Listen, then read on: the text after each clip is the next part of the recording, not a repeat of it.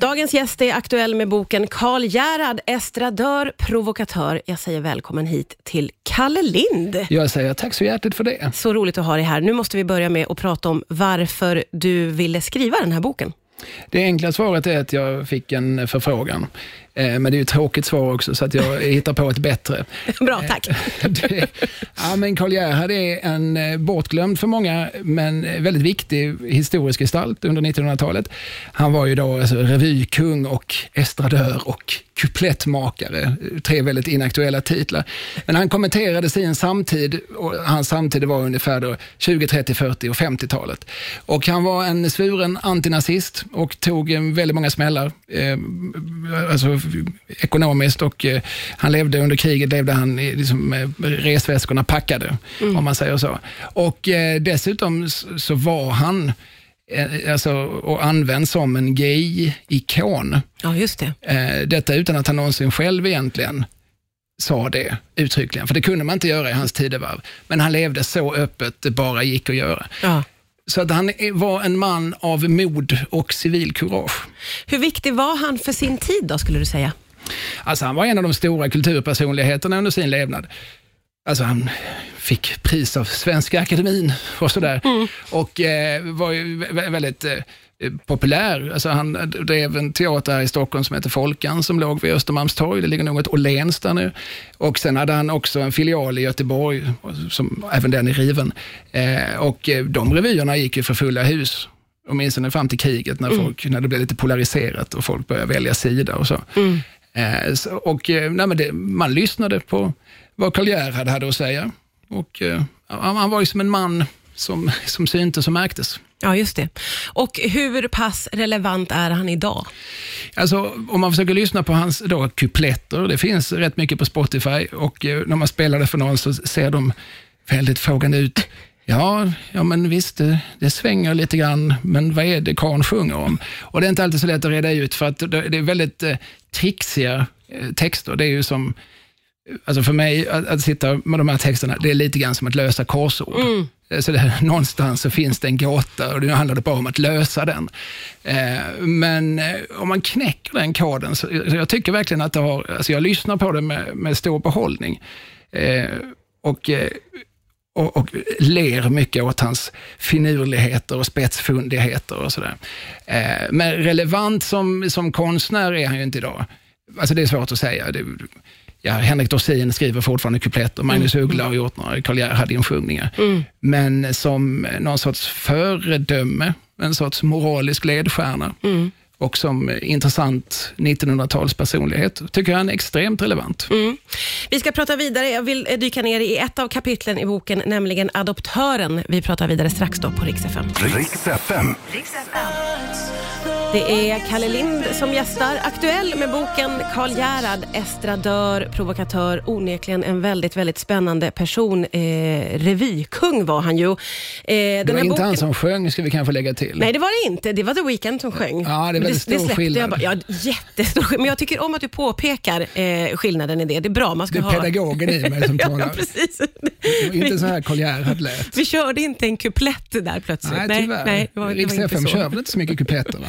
Jag tror aldrig det har skett ja, någonsin men Det kanske är hög tid. det kan vara så Ska att vi, vi får sticka in. oskulden Allt kan hända när du är här känns det som. Vi får helt enkelt se. Den här boken som du har skrivit är indelad i många kapitel och ett av dem heter Adoptören, där du tar ett grepp om eh, Karl Gerhards sexuella läggning, eh, bland annat. Eh, han beskrivs ju eh, som bi eller homosexuell, men som du var inne på innan här, det var inget som han själv var riktigt öppen med. Ja, alltså han tog ju aldrig det ordet i sin mun eh, vad vi vet, åtminstone inte i offentligheten. Han levde, som ung levde han ett eh, liv som gift. Vi, vi tror att det är fasadäktenskap. Eh, sam, och det, om vi då pratar 20-talet, så är han gift med olika kvinnor, men på scen står han varje kväll och sjunger kupletter med väldigt mycket liksom, antydningar. Jazzgossen, som är en ganska känd kuplett, där sjunger han om hur han på höga klackar trippar, han har tusch på sina ögonlock på sitt lilla bakverk frossar minsann. Eh, och, så och det finns massor med sådana antydningar.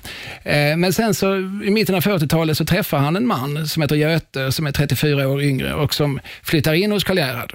Eh, Och det här vet vi, det, det, det skriver tidningarna om. Att, eh, men Göteborg är två dörrar bort, gubevars. Och han är ju chaufför, och han är allt i allo, och han är sekreterare, och han hjälper till med det mesta. Eh, men vi förstår ju, och, och, vi har, och det finns ju också i arkiven efter dem så finns det ju deras korrespondens och den är oerhört kärleksfull. och det är det. inte liksom en vänskap. Den ville ju Karl Gerhard att den skulle förstöras va? Ja, samtidigt sparar han den. Ja, ja precis. Så vad ville han egentligen? Ingen vet. Eh, och sen så är det mycket riktigt så att han, att Gerhard, Gerhard adopterade en ung, alltså ung flicka, hon var ju tre, fyra, fem var hon nog när han adopterade henne, som heter Fatima Svensson. En, en eh, flicka från Danmark. Pappan var från Västindien, så hon hade ju alltså pigmenterad hud. Och eh, han var 58 när han ensam adopterade henne. Det fick han nog göra för att han kände rätt ministrar. Mm.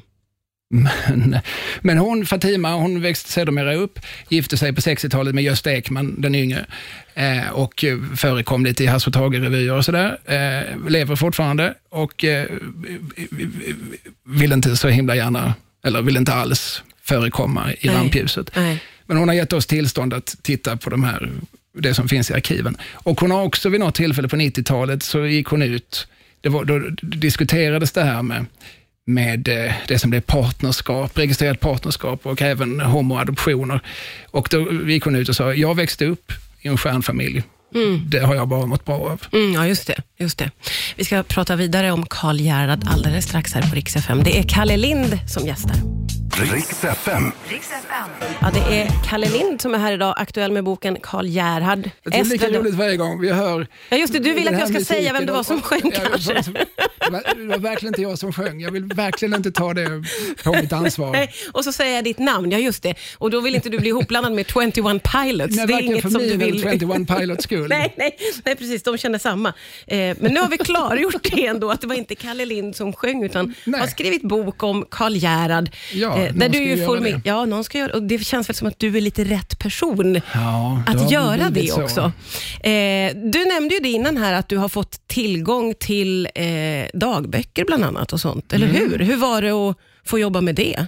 Ja, men det man gör det med lite blandade känslor. Alltså man tittar ju in i någons privatliv och jag försökte vara rätt så diskret och, och kanske inte titta på allt. Och så att vi, vi gör ett litet urval här. Och, bara för att, alltså det var två saker jag ville undersöka. Alltså dels så tittar vi på Säpos kartläggning av Gerhards förehavanden under kriget och den kan man väl säga att den var minutiös. Alltså, Ja, de, de visste när Karl Gerhard snöt sig. Det hade Säkerhetspolisen koll på.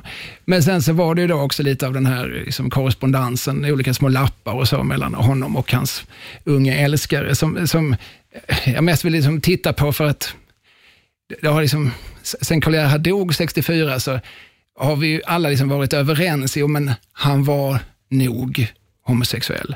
Han var förmodligen, han var, men vet vi, alltså har man hela tiden behövt säga, kanske, förmodligen, troligen. ja just det. Med det materialet kunde jag liksom säga, ja, han var det. Ja, just det. Ingen tvekan om den saken. Så, så behöver vi som inte diskutera det längre, utan mer diskutera hur det liksom yttrar sig i hans konstnärskap och hur det förmodligen var eh, att leva så otroligt offentligt liv och Ja. det hela tiden ändå dölja en liten del av det. Ja, eh, du, Eller en ganska stor del. Ja om men verkligen. Det får man ju säga. Eh, vad är din bild av Karl Gerhard efter att ha jobbat med den här boken? Ja, jag är väldigt förtjust i honom. Jag, jag gillar väldigt mycket av det han står för. Han står dels, dels den här biten med som civilkuraget, att alltså, när det blåser vissa vindar så, så nej, då står man inte med ett blött finger i luften, utan man försöker på något vis mota den vinden i grind, eller hur man säger. Eh, sen så gillar jag, han var ju lite sådär intelligenssnobb, bildningsaristokrat. Han ställde höga krav på sin publik. Ni ska förstå det här. Ni, men det, det kan ju tyckas på ett vis vara lite osympatiskt, men jag tycker tvärtom att det har väldigt hög tillit till sin publik. Ni är inte dumma i huvudet. Ni har också tillgång till bibliotek. Gå och ta reda på saker. Ja. Vidga era sinnen. Det tycker jag är någonting alla som sysslar med underhållning kan ta åt sig av. Det skickar vi ut där till. Nöjes-Sverige. Kalle Lind, tusen tack för att du kom till Rix FM idag. Ja, det var ett oerhört nöje. tack snälla. Tack för att du fick komma.